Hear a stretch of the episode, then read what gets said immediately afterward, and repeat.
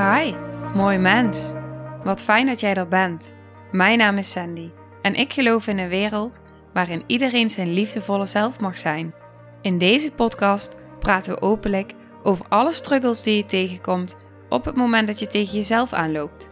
Vanuit mijn kennis en ervaring deel ik levenslessen en geef ik je inspiratie hoe jij vanuit pijn en angst weer voor liefde en vertrouwen kunt kiezen, zodat jij, dwars door het donker, de weg terug kunt vinden naar het licht in jezelf. Welkom bij de Liefdevolle Strijder Podcast. Hey, hallo! In deze aflevering ben ik in gesprek met Milou. En Milou is energetisch kindercoach. Super inspirerende vrouw. Ik vind het een heel mooi gesprek. We hebben het over zelfontwikkeling, voelen, blokkades, trauma's. Natuurlijk over ons energetisch werk, wat Milou echt doet met gezinnen. En wat ik vooral doe met volwassenen, het innerlijk kindwerk, je intuïtie. We hebben het over patronen, verslavingen, leven op levensenergie, prana, zonder voeding en natuurlijk over onze missie. Dus ik zou zeggen, ga lekker luisteren en ik hoop dat je net zo geniet van dit gesprek als wij hebben genoten. Nou, welkom allemaal. Fijn dat je weer luistert. Ik zit hier nu niet alleen. Ik ben ook een Hmm. beetje gespannen, dus misschien hoor je dat wel aan mijn stem. Ik zit hier eh, samen met Milou. En eh, Milou heeft sinds kort eh, is ondernemer. Zij heeft een bedrijf, jouw wonderen binnenwereld. En ehm, ik heb echt super veel zin in dit gesprek. Ik ben ook echt heel dankbaar dat wij dit gesprek mogen gaan voeren samen. En ehm, ik ken Milou sinds dat ik een keer een aesthetic dance act heb gedaan. En eh, sindsdien hebben wij contact gehouden met elkaar. En dat is, ja, dat voelt heel bijzonder. En ik dacht, oh, ik vind haar zo'n inspirerend persoon. Dat ik dacht, ik wil zo graag met haar hier een aflevering opnemen. En ja, Milou, welkom. Ja, jeetje, wat een lekkere intro dit. ja, we kennen elkaar helemaal niet zo lang en het, het voelt echt heel fijn en heel normaal. En Ja, ja, het voelt heel vertrouwd en ik, ik vind het super leuk dat ik hier mag zijn. Ja, ja, ik ook. Dankjewel dat je er bent. ja, dank wel dat ik er mag zijn. Ja, ja en ook voor jou die nou luistert, dank je wel dat jij er bent en dat je weer luistert. En ehm, ja, Milou, wie is Milou? Wat is belangrijk voor jou? Nou, ehm, nou, sinds een aantal jaren ben ik in het wereldje van zelfontwikkeling gedoken. eh, of gekomen eigenlijk, en spiritualiteit. Omdat ik niet meer kon voelen.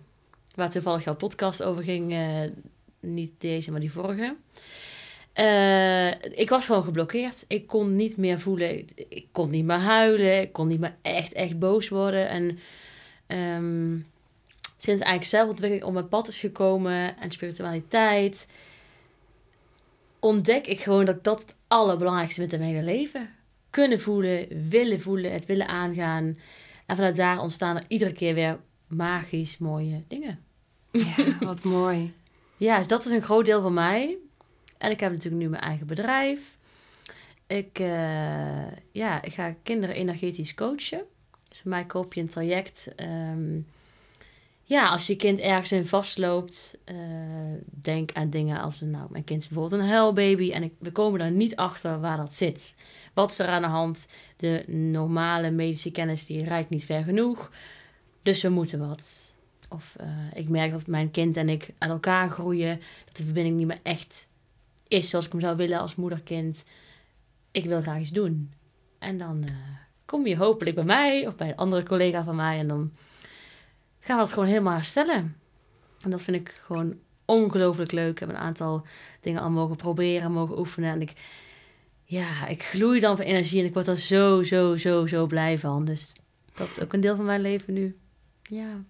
Ja, super mooi. Maar ik denk ook zo belangrijk ook momenteel. Mm. Echt zo belangrijk. Er zijn zoveel baby's en kinderen die eigenlijk zoveel willen zeggen en met zoveel lopen. En ja, hoe druk je je uit zo jong, zeg maar. Dus hoe mooi is het dan Ja. dat er iemand is die daarmee in verbinding kan staan. Op die diepere lagen. Ja, en het is ook. ehm, Mijn echte doelgroep is kinderen van 0 tot 4 jaar, ehm, die dus eigenlijk vaak nog niet goed kunnen praten. Ja, Dus dan is het echt heel fijn als iemand het kan verwoorden, als iemand kan voelen of beelden kan zien. Oké, wat bedoelt mijn kind nu eigenlijk echt? Ja, Want ik begrijp het gewoon niet zo goed. En ehm, dat heb ik denk ik geleerd, mede door de afgelopen jaren heel veel te zien en te proberen. Veel cursussen en opleidingen en andere dingen, maar ook omdat ik al jaren met kinderen met een eh, meervoudige beperking werk en die allemaal eigenlijk ook niet kunnen praten. Op een gegeven moment begrijp je die kinderen, je leest die kinderen. Ik weet als een kind met zijn oog knippert wat hij bedoelt. Op een gegeven moment weet je het gewoon. Die combinatie van het werken met jonge kinderen, met of zonder beperking, ja, en spirituele, dat, dat samenbrengen is denk ik gewoon echt eh, heel mooi. ja. Ja, en wat ik ook zo mooi en inspirerend vind, is ook dat je dus echt met het gezin werkt. Dus Ja. dat je ook echt de ouders dan, denk ik, daarin mee kan ja, nemen. ja, ja. Ja, want hoe gaat dat? Is dat een beetje... Is dat ook te doen, om de ouders daarin mee te nemen? Ja, wat ik wil doen, ik wil het wel redelijk vrij laten, mijn opzet. Maar dan heb je dus eh, een aantal sessies, een traject kopen bij mij. En eh, de eerste sessie gaat het vooral om jouw kind. Gewoon, wat voel ik daar, wat zien we daar, wat gebeurt daar, wat is het probleem? Wat is niet zo fijn? Ehm, en een kind is vaak heel snel heel duidelijk wat hij voelt en wat hij wil. En die- kan het soms niet zo goed verwoorden naar de ouder. Dus daar ben ik even de schakel tussen. Ja. En vaak kan het kind dan vertellen waar hij last van heeft. En dat kan dus mogelijk ook komen van de ouder. Een trauma van ouder die, ja, die op het kind nu zit. Of mede op het kind. Ehm, dus daarom vind ik het ook belangrijk om, om beide ouders eigenlijk ook te behandelen. Misschien is het niet nodig, maar ze er wel voor openstaan. Van, goh, oké, jouw kind, ik noem even een voorbeeld, hè, heeft eh, angst voor in de auto zitten. En het blijkt, nou, dat is wel een grappig voorbeeld ineens, ga ik dit voorbeeld noemen, sorry. Maar het blijkt dat de moeder bijvoorbeeld een ongeluk heeft gehad en het best wel bang is.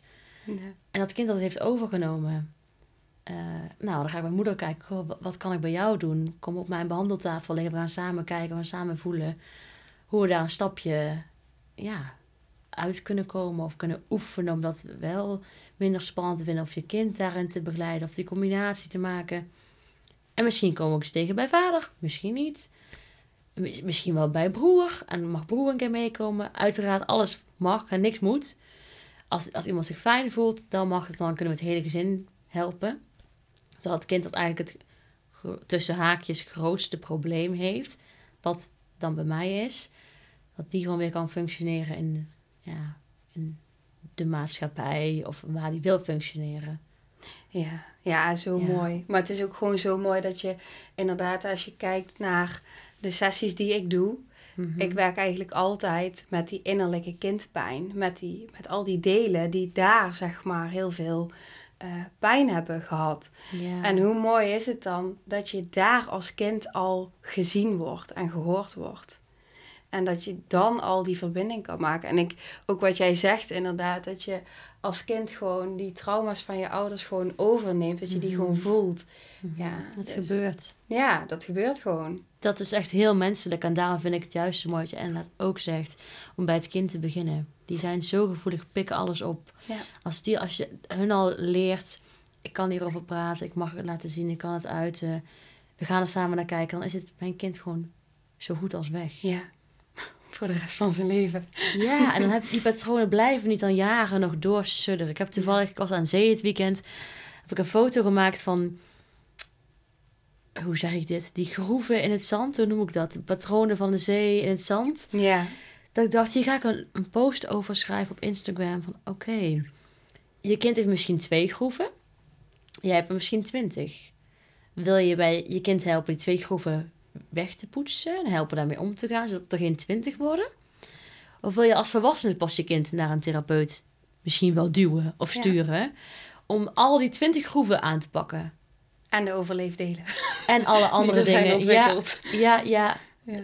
stiekem komt er zoveel. En Ja. ja, ik, ja, ik sta gewoon voor die kinderen helpen. En die kleine dingen, als je die oplost, daar is een kind zijn hele leven baat bij gewoon. Ja. ja. ja, super mooi. Want wat wij denk ik zelf ook merken aan veel mensen op, in dit pad, in het wereldje. eh, mensen zijn er ingerold uit een probleem vaak. Uit iets niet willen zien, iets niet willen voelen, maar doorgaan. Het kan alles zijn. Mensen zijn op een of andere manier stilgezet met een burn-out, met een ongeluk, met totaal, zoals ik, geblokkeerd zijn, niet meer kunnen voelen. Um, dan wilde ik helemaal mijn verhaal even denken. Um, nou, soms ja, zoveel dat ik even... Oh, de groeven, ja. Dat ik het inderdaad kinderen gun daar al te ontdekken. En niet die twintig groeven te hebben en dan pas bam, die klap te krijgen. Ja. Dat die klap eigenlijk niet per se nodig is als je het gewoon goed aanpakt als, als jong kind. Ja, zeker. Want dat is inderdaad wat ik vaak ook in sessies zie. Ik werk eigenlijk met volwassenen. Ja. Maar uh, je zit altijd op die kindsdelen. En wat ik vanmorgen ook nog aan een uh, dame in mijn sessie uitlegde. sorry. is dat... Uh, wat je eigenlijk vaak ziet is... Eigenlijk ben jij in jouw pure zelf ben je gewoon helemaal ongeschonden. En zit, daar zit het goud. En daar zit, zit die onvoorwaardelijke liefde en die gezondheid en alles mm. is daar. Maar dan krijg je pijn en iedereen krijgt die pijnpunten in zijn leven. Mhm. En dan komt daar een, eigenlijk een soort pijnkind naast staan. En vanuit dat pijnkind komt er weer een overleefkind wat zegt van ja, maar ik ga jou beschermen. Dus ik ga voor jullie twee staan. Dus je kan niet bij dat pijnkind en automatisch ook niet meer bij dat, dat, dat vrije kind, zeg maar. En wil je daar echt weer terechtkomen, dan zul je eerst door die pijn moeten bewegen om weer bij dat, dat vrije kind te kunnen komen. Om weer die, die liefde in jezelf te kunnen voelen. Ja. Ja, en dat zit ook allemaal, allemaal in die kindertijd. Ja, ja dit, zeg je mega mooi. ik had het zelf niet zo mooi kunnen vertellen, maar jij kan dit gewoon. Dankjewel. Ja, ja. ja precies zoals je het nu uitlegt. Ja, maar dat is het. En dan zie je dus inderdaad ook echt die, uh, die overleefdelen, daar zitten jaren aan patronen en jaren aan angsten. En, en dat is wat ik dan eens in zo'n sessie ga doen, is echt in, in eerste instantie werken met die, die overleefdelen. En niet om ze weg te halen. Nee, want dat kind dat mag nou juist gezien worden. Dus dank je wel mm. dat jij er al die jaren voor hebt gezorgd dat je hier nog bent. En ja, ja. hoe sterk persoon je bent geworden. Alleen nu gaan we langzaam wel ehm, kijken of we dat kunnen verzachten om na die pijn te bewegen. Zodat je kan ja. helen. Ja. Ja, het, inderdaad, het hoeft niet weg. Het heeft jou jarenlang gediend en echt geholpen. Maar het mag gewoon wat meer naar de achtergrond. Ja. Het hoeft niet meer op... De, in, in bepaalde uh, heftige gebeurtenissen zie je ook vaak dat mensen terugschieten daarin, in een mechanisme. En dat, dat is dan even oké. en dan zie je het weer. Oh ja, dit, dit teken een beetje onhandig is mijn oude patroon. Die mag weer naar achter. Wat herkennen is denk ik al Heel belangrijk. Ja. Ja. Echt het bewust worden inderdaad van die patronen. Ja. En het is natuurlijk nog fijner als je eigenlijk niet meer komt. Dat is nog fijner, maar het is ook best moeilijk. Ja. Als je echt, ja, ja, echt jouw, jouw mechanisme uh, ja, vriendelijk een vaarwel... Uh, ja, precies. Ik denk dat het inderdaad begint bij het, het, het zien en herkennen en bedanken. En, uh, en dan uiteindelijk inderdaad kan het langzaam wat meer naar de achtergrond. En uiteindelijk misschien heb je het helemaal niet meer nodig. Ja. Ja, al die patronen en uh, verslavingen eigenlijk ook. Ja, ja ik, ik, weet niet of ik daar mag in, op in mag haken, ja, verslavingen. ik leef dus nu zelf uh, sinds een uh, tijdje van prana. Dat is eigenlijk leven van gewoon de energie. Dus ik heb in principe nu geen voeding meer nodig. En ehm, ik merk ook hoeveel patronen ik zelf heb. Iedereen heeft natuurlijk patronen en, en dingen in zijn leven. En uh, waar mijn patroon bijvoorbeeld soms is vluchten. En soms is het uh, huilen. Heel hard huilen. En de andere keer is het heel hard werken, want dan hoef ik niet te voelen. En de volgende keer ga ik wel gewoon zitten en denk nee, ik moet nu echt gaan zitten. Zoals jij ook in die podcast zegt. Want er moet iets uit. Er is iets in mij gaande. Ik moet gaan zitten en voelen wat het is. Maar nu is mijn patroon, merk ik, omdat ik dus even niet ga eten nu, eten alles is nu eten. Dat is heel interessant. Dus alle patronen vallen weg. Dat is, wel, dat is wel op zich handig. Al het andere valt weg. Maar mijn hoofd zegt nu gewoon, de ego, het ego is vooral aan het woord, zegt dan gewoon... Ga maar eten, ga maar eten. Terwijl ik weet, mijn lichaam kan zonder eten, dus het hoeft helemaal niet. Ja. Dus dan ga ik ook weer zitten. Meestal. Soms ga ik ook gewoon wel eten. Maar dan ga ik zitten. En dan kom ik erachter wat echt die pijn is. Dus mijn mechanisme is nu totaal vervangen door eten. Wat ik dus eigenlijk niet wil doen. dus je lichaam leert mij wel hele interessante dingen momenteel. Ja, en ik denk Ja. ook wel dat inderdaad eten sowieso echt wel ook wel eh, valt onder een verslaving bij heel veel mensen. Dat is echt al vanaf de geboorte. Mhm, mhm, ja. En ja, het is gewoon suiker. Het is verzachtend. ja. Maar ik hoorde jou net ook zeggen van... ehm, eh, ik heb eten niet nodig. Ja. Ik kan me voorstellen dat degene die nu luistert oh denkt... ja. Ik heb eten niet nodig. Huh? Hoe kan dit? Hoezo heb je geen eten nodig? Ja, ik zal het even toelichten. is wel even handig. Ehm, Oké, ik ga even beginnen met... Ik kreeg op een gegeven moment, naast dat ik dus soort van verdoofd werd en niet meer goed kon voelen, ook erg last van mijn darmen en maag. Met diëtisten geprobeerd en naar alternatief gaan zoeken, hypnose gehad daarvoor en et cetera, et. En uiteindelijk kwam ik eigenlijk achter, hoe minder ik at, hoe beter het met me ging. Hoe beter ik bij mezelf kon blijven, bij mezelf kon voelen. Hoe meer ik dacht, nou, ik ben eigenlijk een heel leuk mens. Waarom ga ik mezelf van buikpijn geven, opgeblazen gevoel, al die nare, nare dingen met eten? Dus toen kwam ik op het pad, oké, nou, ik kan ook van vegetarisch wel naar vegan en dat is echt heel goed gegaan. Toen ging ik naar een soort deel fruitariër, dus dat is echt vooral fruit eten, fruit en noten en zaden. En eh, op een gegeven moment kwam Leven van Prana op mijn pad. Dat zag ik via een documentaire op NPO. Van... Nou ja, maakt niet uit. En de persoon die geïnterviewd werd, heette Brahman Minor. En uiteindelijk, eh, ja, ik zag het op vakantie met een vriendin en ik zei tegen haar: Dit is echt interessant. Dit ga ik echt ooit doen hoor. En ze keek me aan en ze zei: Nou, Milou, dit is wel echt extreem. Vind ik, nou, weet ik ook niet hoor. Nee, ik ga het in ieder geval niet doen. Ik zei: Ooit ga ik dit echt, echt doen. En eh, nog een half jaar later, het bleef op mijn pad komen. Mensen praten erover, ik zag het voorbij komen. Ik hoorde stemmetjes in mijn hoofd die af en toe overrolden. Ik dacht, jezus, ik hoor het weer. Toen heb ik mezelf ingeschreven, dacht, ik ga dit gewoon doen. En het, dan heb je een retreat van een week. Ik heb het bij de, de ex-vrouw van Brahma Minor gedaan. Bij, eh, ja, en het was een week, heb je dan een retreat. En het was, eh, ja, mega mooi. Ging me eigenlijk heel goed af. Ik dacht, dit is gewoon mijn lichaam wil. Die kan gewoon leven zonder, zonder eten of drinken. Dat kan gewoon oprecht. En dan moment kom je natuurlijk thuis naar zo'n retreat. En dan is het een beetje allemaal anders. Want dan kom je ook wel weer in stress af en toe. Of een, nou, van jezelf terecht. Of vervelende situaties. En dan is het feit, oké, wat vond ik ook wel belangrijk? Waarom wil ik het ook alweer? Oh ja, kon het wel echt, hè? Ja, ik, kan het wel. Hoezeer vertrouw ik mijn lichaam? Dus nu is het een proces, merk ik. Maar het is, iedere keer ga ik een fase verder. En iedere keer denk ik, oh ja, wow, weer een fase verder. Want ik weet dat mijn lichaam het gewoon echt kan. Ja, want je cellen Ja. die, die leren dus eigenlijk... eh, die worden eigenlijk opnieuw geprogrammeerd. Of, Ja. of de nieuwe cellen die leren dus eigenlijk... Ja. dat ze geen voeding nodig hebben. Ja, op het retreat eh, doe je heel veel met ademwerk en loslaattechnieken. Dus alle oude zooi gaat uit je lichaam, uit, jouw eh, uit jouw cellen. En binnen twee à drie maanden heb je als het goed is allemaal nieuwe cellen. En die nieuwe cellen kunnen al leven van prana, dus van energie, die ik dus mezelf heb gegeven. En ik heb dus eigenlijk de rommel eruit gefilterd. En die oude cellen hebben nog even wat brandstof nodig. Dus daarvoor drink ik nu nog sapjes. Ehm, om die suikers aan mijn cellen te geven. Die oude cellen kunnen dus niet leven van energie. Ja. Het is een soort overgangsfase. Dus na die, na die drie maanden, dat is over een maand ongeveer, kan het dus eigenlijk leven van niks. Het mag wel. Ik mag wel gewoon eten. Dan denk ik, nou, nu wil ik dat. Of nu wil ik met vrienden samen iets eten. Of nu wil ik iets lekkers koken. Of nu wil ik iets, weet ik veel, afhalen. Het mag wel, maar mijn lichaam kan het daar gewoon zonder. Ik kan zonder functioneren. Ja, geweldig. Ja, dat is, dat is echt, Ja, is echt magisch. geweldig.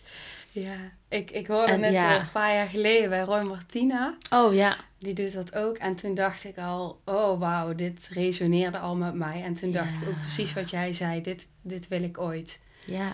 Ja, echt fantastisch. Ja, en ik, ik, het gevoel beschrijven is haast onmogelijk, maar het is een soort van...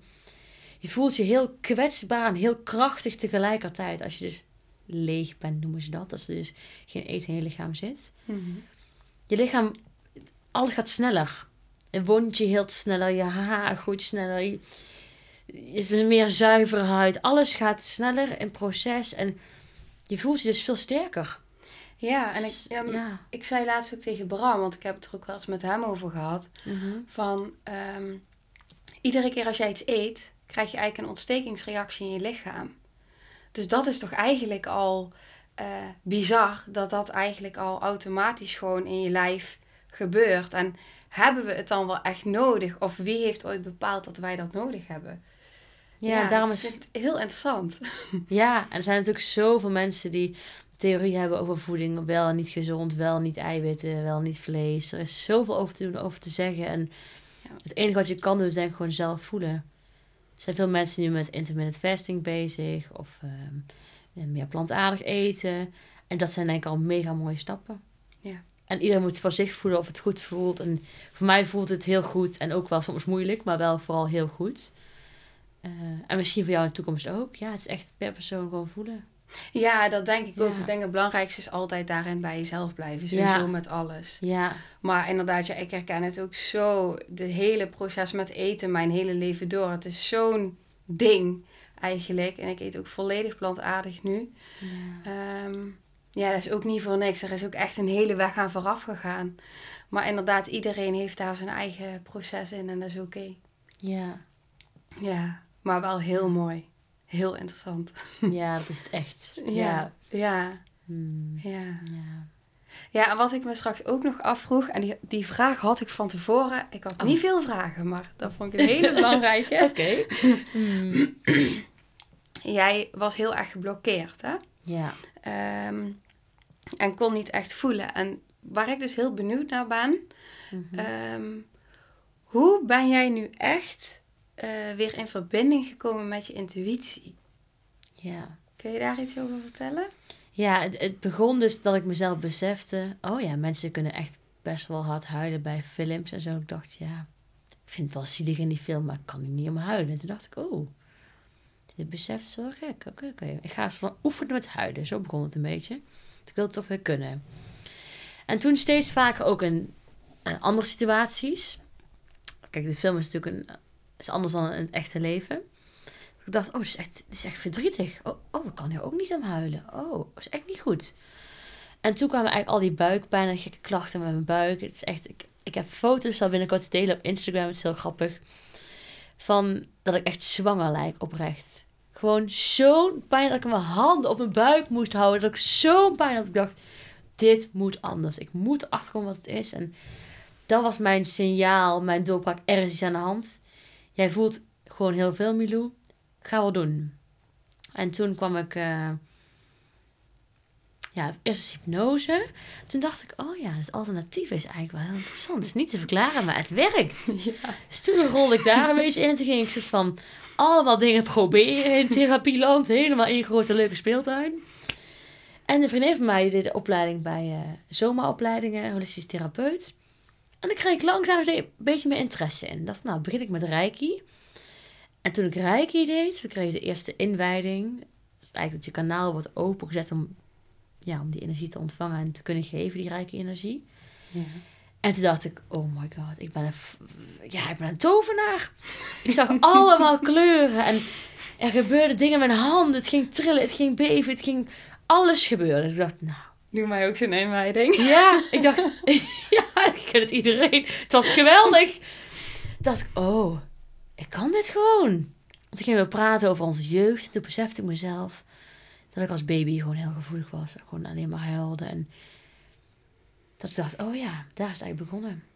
Gewoon gevoelig. En toen ontdekte ik dus met Reiki dat ik dat heel simpel kon. En toen ging ik verder in de opleiding holistisch therapeut. Toen merkte ik dat ik gewoon bepaalde gaven heb. Dus ik kan helder horen, zien, ruiken, proeven, weten. Vergeet ik iets? Voelen. Voelen. Ja, al die, al die hele mikmak. en dat is, ja, daar kwam ik toen achter. dacht ik, oh mijn god. Dit wil mijn lichaam mij gewoon vertellen. Vooral die buik dus. Die wil gewoon vertellen. Jij voelt zoveel. Ga maar eens leren hoe dat moet. Ga maar eens leren. Want er is een hoop, eh, een hoop te helen. En een hoop wat jij kan. En door die opleiding eigenlijk holistisch therapeut... eh, ja, ontdekte ik mijn gaven en hoe ik die kon inzetten. En hoe ik mezelf daardoor dus, ja, mee kon helen. Ja. Ja. Ja, dus eigenlijk heeft dat echt jou weer eh, in verbinding gebracht. Ja. Ja. En is er dan ook iets, eh, bijvoorbeeld voor degene die nou thuis luistert, is er dan iets Mhm. wat jij dan zou kunnen denken van nou, dat zou echt, dat zou je kunnen doen bijvoorbeeld, een tip of een, iets wat heel erg heeft geholpen? Of is dat eh Hmm. Als je, lastige vraag? ja, moeilijke vraag. Wel bij. Ik ga er gewoon op in. We doen niet raar. Nee, nee, nee, doen we gewoon.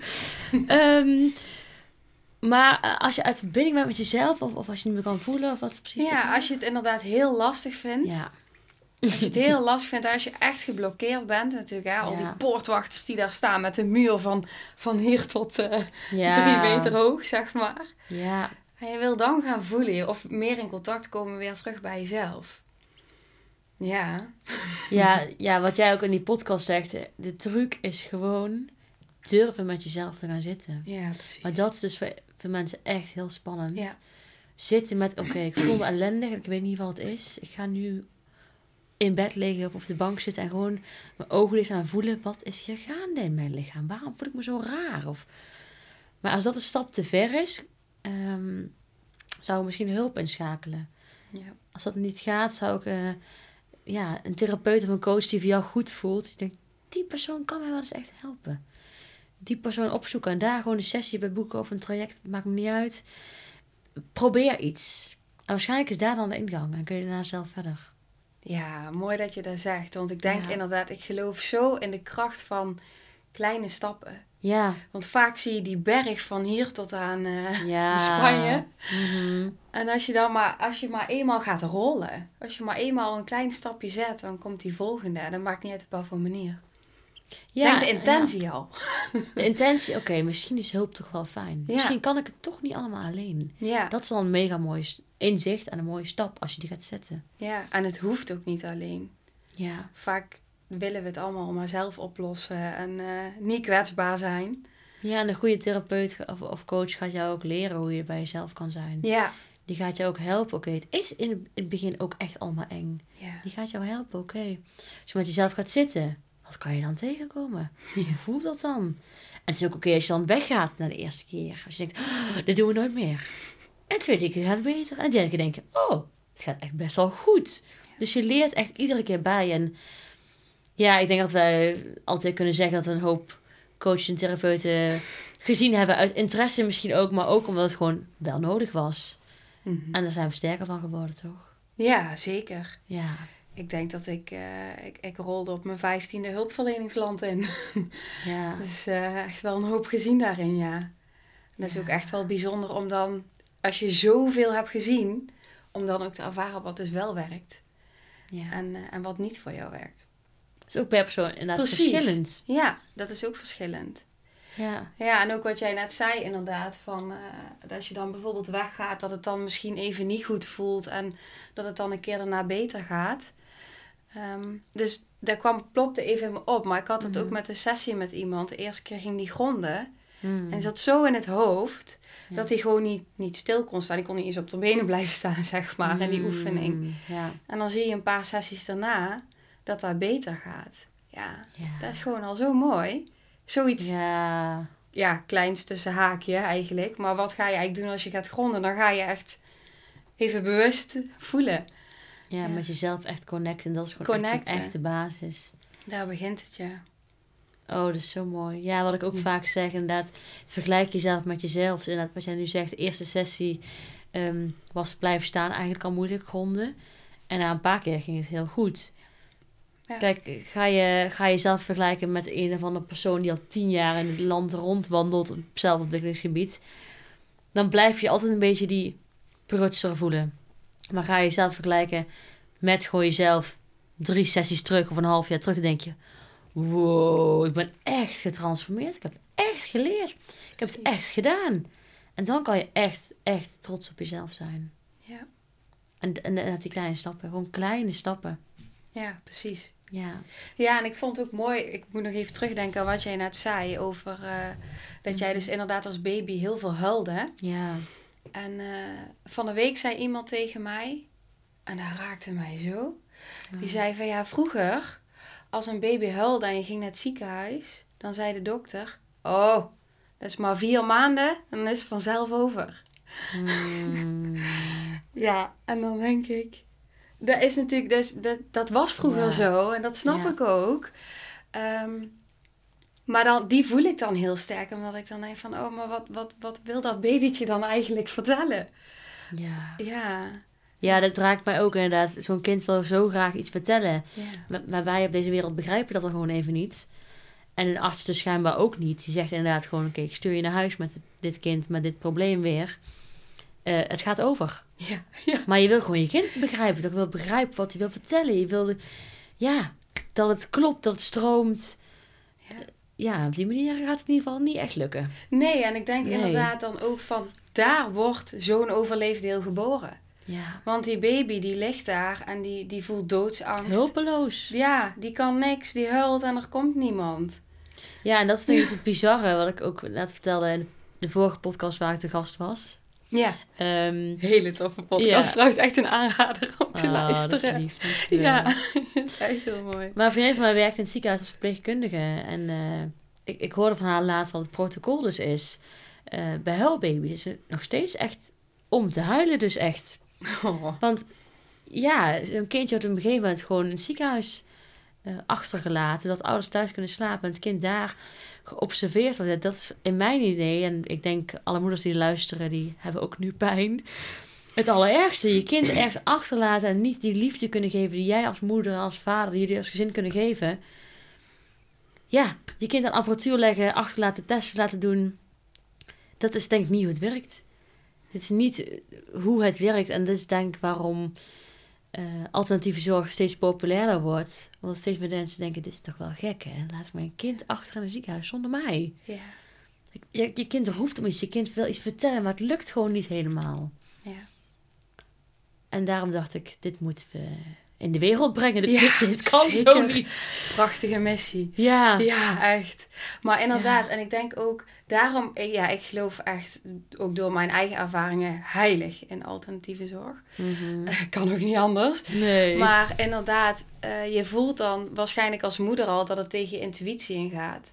Maar je voelt natuurlijk heel, heel veel angst. ja. En als zo'n dokter dan zegt van ja, luister, eh, dit is het protocol en wij weten, wij hebben er verstand van. Mhm. Dan ga je heel snel alweer tegen je gevoel in. En hoe vaak doen we dat wel niet? Dat je ergens iets voelt, maar toch maar omdat, ja, ik heb, weet je, ik werd opgegeven op mijn 28ste van ja, we kunnen je niet beter maken en leer maar leven met het feit dat je niks meer kan. Ja, als ik die dokter had geloofd en niet in de alternatieve zorg terecht was gekomen, dan had ik daar nog steeds gezeten. Dan denk ik, ja, er is zoveel mogelijk. Ja. Maar goed, we raken het ergens kwijt. Ja, dat moederinstinct en dat ouderinstinct. Ja, dat moet je gewoon proberen altijd aan het woord te laten. Ja, Wat een arts, iemand die jij misschien hoog plaatst voor jezelf ook zegt. Jij weet stiekem heel goed wat jouw kind nodig heeft. Heel goed. En dan mag je gewoon echt naar luisteren. ja. Ja. Ik geloof ook wel dat dat instinct ook in ieder geval niks zo sterk wordt dan als je moeder wordt. Ja, is echt niet voor niks. Ja, zo bijzonder. Ja. Ja, echt. Ja. En ja, ik, ja, ik er echt geen woorden voor. Het is inderdaad wat je inderdaad beschrijft. Je was eigenlijk gewoon opgegeven. Ja, En dat je zelf dacht, ja, dit gaan we niet doen.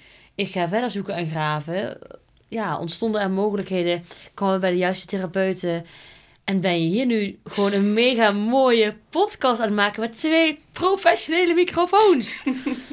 ja, wauw. ja, ja. Dus ja, als je je eigen gevoel volgt en de juiste therapeut aantrekt en het juiste doet wat volgens jou klopt, volgens jouw gevoel klopt, dan komt denk ik altijd goed. Ja, dat denk ik ook. En ik denk Ja. ook juist op heftige momenten, dan komt die, die stem. Ja. Die komt. Ja. En als je daar dan naar durft te luisteren, Mhm. ja, dat is zo krachtig. Want ik voelde inderdaad ook dat ik dacht, ja, dit kan niet de bedoeling zijn, jongens. dit is onmogelijk. Dit gaan we niet doen. Ja, en dat was wel de overgave die Ja. toen kwam. Van nou, weet je wat, dan ga ik de verbinding maar met mezelf herstellen. Want volgens mij is dat de bedoeling. Na al die ongelukken. Ja, ja. Ja. ja. Bijzonder. Jij hebt echt een mooi verhaal. Dankjewel. maar jij Ja. ook. Mm, Dank je. Ja, heel mooi. Ja, en soms zijn, we, ja, zijn die harde klappen schijnbaar dus nodig. eh, voor die inzichten en die stem om die weer te kunnen horen. En ja, die gun ik dus kinderen eigenlijk al eerder. Ja, precies. Maar wij hebben die klappen wel gehad. Ja. Ja, en hoe mooi is het dan dat je inderdaad die klap hebt gehad en dat je nu dit kan gaan doen voor die kinderen. En Ja. ouders. Ja, en jij überhaupt voor alle volwassenen die bij jou eh, komen. ja. Ja, absoluut. ja, je bent echt nodig. Ja, dankjewel. Ja, echt. Ja, ja. Wauw. Daar word ik even heel stil van. Nou, dat mag. Ja, Ja. ja. Heel mooi. Het is ook wel heel grappig, want eh, waar, ik straks, waar ik nu aan moest denken, Mhm. eh, dat het even wat stiller wordt. Dat is ook wel iets wat je merkt ook bij eh, mensen, dat dat heel spannend is. Een stilte. Ja, stilte is super eng, want dan ga je dus voelen. Ja. Mijn mechanisme was dus ook jarenlang gewoon mijn week vol proppen met alles wat ik kon bedenken. Van werk tot vrienden, tot alles ging ik in elkaar proppen. Want ja, dan was je niet met jezelf en dan hoef je ook niet te voelen. Precies. Want stilte roept Zo. ook bij jullie als luisteraar waarschijnlijk iets op. Oh, oh, ze zijn stil. Waarom zijn ze nu stil? Oh, oh, oh, oh, ik moet ook die afwas doen. Oh ja, ik had zelf wel een probleem eigenlijk. Oh, oh, oh ja, maar ik ga iets anders doen Ja, precies. om af te leiden. Ja, dat. Ik merkte ook in mijn sessies dat inderdaad eh, juist in die stilte gebeurt zoveel. Ja, en daar moest ik ook leren om mee te zijn. Hmm. Ja, maar Dus voor is- iedereen oefenen, ook voor de therapeut zelf. ja precies. Ja, Maar dat is echt, en inderdaad ook wat jij zegt, je krijgt dan meteen die, die patronen. Op het moment dat je gaat zitten en het wordt stil. Ja, waar is mijn telefoon? Mhm. ik ga nu iets eten. ja, Ja, dat eten. hè? dit, het eten of eh, toch maar even nog een keer naar de wc, terwijl je helemaal niet hoeft te plassen. Maar even vluchten. Ja, Ja, ja. Het is echt bijzonder. Ja, ik merk het wel eens inderdaad als ik, eh, als ik zenuwachtig word. eh, dat ik inderdaad ook dan ineens denk van... Oh nee, ik moet naar de wc nu of zo. Het is gewoon even letterlijk gewoon En misschien hoeft het helemaal niet. even eruit. ja. ja, bijzonder. Ja. Ja. Maar goed, jij bent nu dus net gestart als ondernemer. ja. Ehm, hoe is dat gegaan? Hoe is dat proces gegaan om echt te gaan starten als ondernemer? Ja, eh, ik was al drie jaar als ZZP'er aan de slag. Ik werd ingehuurd door een, eh, de zorgverzekeraar, eh, de gemeente en een soort tussenbedrijf. En dat viel door een soort van arbeidsconflict weg, dat tussenbedrijf. En toen dacht ik, ja, ik zit al jaren hier tegenaan te tekenen dat het tijd is om iets te combineren. Om dus die, ja, het werken met kinderen te combineren met, met ja, de energetische kindercoaching. Om die samen te voegen. En dit is het moment. Ik krijg zoveel signalen. Ik hoor letterlijk dingen in mijn slaap. Ik zie dingen in mijn slaap. Iedere keer dacht ik, nee, is toch een beetje eng. Nee, ik ga het toch maar niet doen. Nee, is toch echt een beetje spannend hoor. Ik wacht op het juiste moment. Ken je die? Ja, Oeh, verschrikkelijk is die hè. Die, is echt- het juiste moment. die kop, dat komt nooit. Nee, tuurlijk niet. En toen dacht ik, oké, er valt een deel van mijn werk valt nu weg. En dat heb ik eigenlijk zelf dan gemanifesteerd op een onhandige manier. Nu is het moment. Ik ga nu mijn bedrijfsnaam wisselen, veranderen naar mijn bedrijf. Ik ga nu mijn Instagram opstarten. Ik ga nu een fotoshoot boeken. Ik heb ook alles in één dag besloten. Want dan kan je, anders ga je weer terugkrabbelen. Want het is toch weer spannend. Dan ga je een beetje naar achteruit. En toen gaan oefenen en gaan proberen. En mensen gaan vertellen. En nu al een- de tweede podcast te gast. En ik heb een business coach. En begin gaat alles rollen. Als je durft, als, inderdaad, als je zelf een moment durft te creëren, gaat het rollen. Ja, Met wat dan ook. Ja dat denk ik ook. Met wat dan ook. Ja. Inderdaad, wat jij zegt, het moment, is, het moment is altijd nu. Ja, En juist hoe spannend, ik voel ook nu nog steeds, ik voel, hè, het is de eerste keer dat ik een, Mm. een podcast met iemand opneem. Ja. En ik voel nog steeds dat ik meer gespannen ben. Maar ja, dat is ook oké, want dat mag er zijn. En juist door dit te doen, eh, ja, hoe tof is het dat je dit kan doen? ja, ja, het kan. Je hebt prachtige microfoons. Je hebt er gewoon twee. En het gaat heel goed, voor mijn gevoel. ja maar Ja. ik denk ook, dit is met al die dingen, vaak maak je het in je hoofd. Maak je dingen heel spannend en heel zwaar. En, eh, terwijl Ja. op het moment dat je gewoon die stap zet, wat kan er nou echt misgaan? Ja, en ik, ik heb het met mijn ouders, die vinden het bijvoorbeeld heel spannend. Want die, mijn opa was ondernemer en het was altijd een beetje, ja, echt een gevecht. Echt hard werken voor zijn geld. Dus mijn moeder heeft een beetje dat beeld van, "Ah, mijn kind gaat van ZZP'er. Gaat ze nu ook nog naar ondernemer? Oeh, weet je wel, ik krijg er wel benauwd van. Maar ik denk, ja, ik ben echt bereid voor deze missie. Ik voel, dit mijn missie is hier op deze aarde. Alles te verliezen. Ik ben bereid om belut te gaan. Ik ben bereid om mijn huis af te staan. Echt, dit voelt zo goed. En ook af en toe eng. Maar het voelt wel zo goed dat ik bereid ben alles te verliezen. Wauw, Ja, ik voel hem. ja dus dan weet je denk ik echt dat dit het is. Ja, dan het weet je gewoon. het. Ja. Ja. En dan is er ook niets of niemand die jou kan tegenhouden. Nee, want hoe voelt het voor jou? Hoe, jouw nieuwe bedrijf, jouw... Vertel even. Ja, het, het voelt, eh, het klopt. Dat, het klopt. En ik merk dat ik ook door deze podcast, ook door mijn bedrijf inderdaad, het klinkt al mijn bedrijf, Ja. maar ehm, ik kom steeds dichter bij wie ik altijd al ben geweest. En ik heb eh, zoveel gevoeld in mijn leven. En ik merk nu dat ik, ik begin me uit te spreken. Ik begin eh, dicht bij mezelf te zijn. En eh, daar kan ik vanuit die kracht, vanuit mijn zijn, kan ik andere mensen helpen. En dat is wat ik altijd heb willen doen.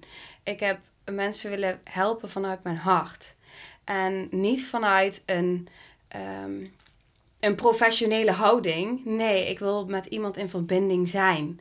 En met al die delen die daarbij horen. En ik wil juist eh, naar die kwetsbaarheid toe mogen. En ook in mezelf. Zonder dat ik daar als professional met een muur om me heen moet staan, zeg maar. En ja, die voel ik zo erg dat ik dat mag doen. En dat ik eh, juist in die kwetsbaarheid daar met mensen mag zijn. Ja, dat is echt fantastisch. Het is echt fantastisch. En ik heb altijd, ehm, ik heb heel veel trauma. En ik heb dat altijd gezien en ik ben heel gevoelig. En vroeger zag ik dat altijd allemaal als een, als een last. En nu zie ik juist wat het brengt.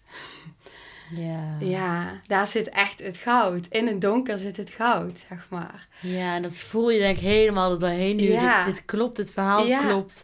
Ik zie je ook helemaal stralen nu en lachen. En Ja, dit is het gewoon. dit is het. En ik merk ook Ja. juist doordat ik het zo sterk voel, ook wat ik jou hoor zeggen.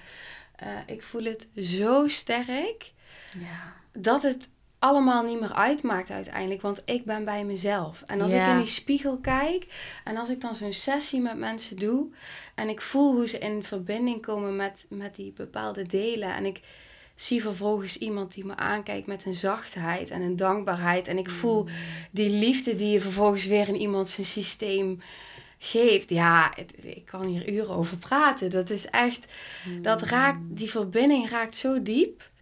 En dat is zo puur. Dat is zo echt. Ehm, dat is waar ik voor leef. En eh, ik hoor het jou ook zo zeggen. En dan denk ik, ja, die voel ik zo. Ik, ik ben bereid om ervoor te sterven, zeg maar. Ja. Ehm, ik, ben er ook, ik ben ook nergens bang voor. Ik kijk ook nergens van op. Dus op het moment dat iemand bij mij komt, ja, het mag er allemaal zijn. Het is allemaal welkom. ja. Ja. Ja. Wow. Zo, deze energie in deze ruimte, jongens, jullie moesten eens voelen. Dit is echt, wauw. Ja, wie weet voelen ze wel mee. Ja, dit is Ja. echt heel mooi. Ja, maar die voelde ik ook bij jou. En ik, ik merk Ja. inderdaad in dingen die je zegt, het resoneert zo eh, in herkenning.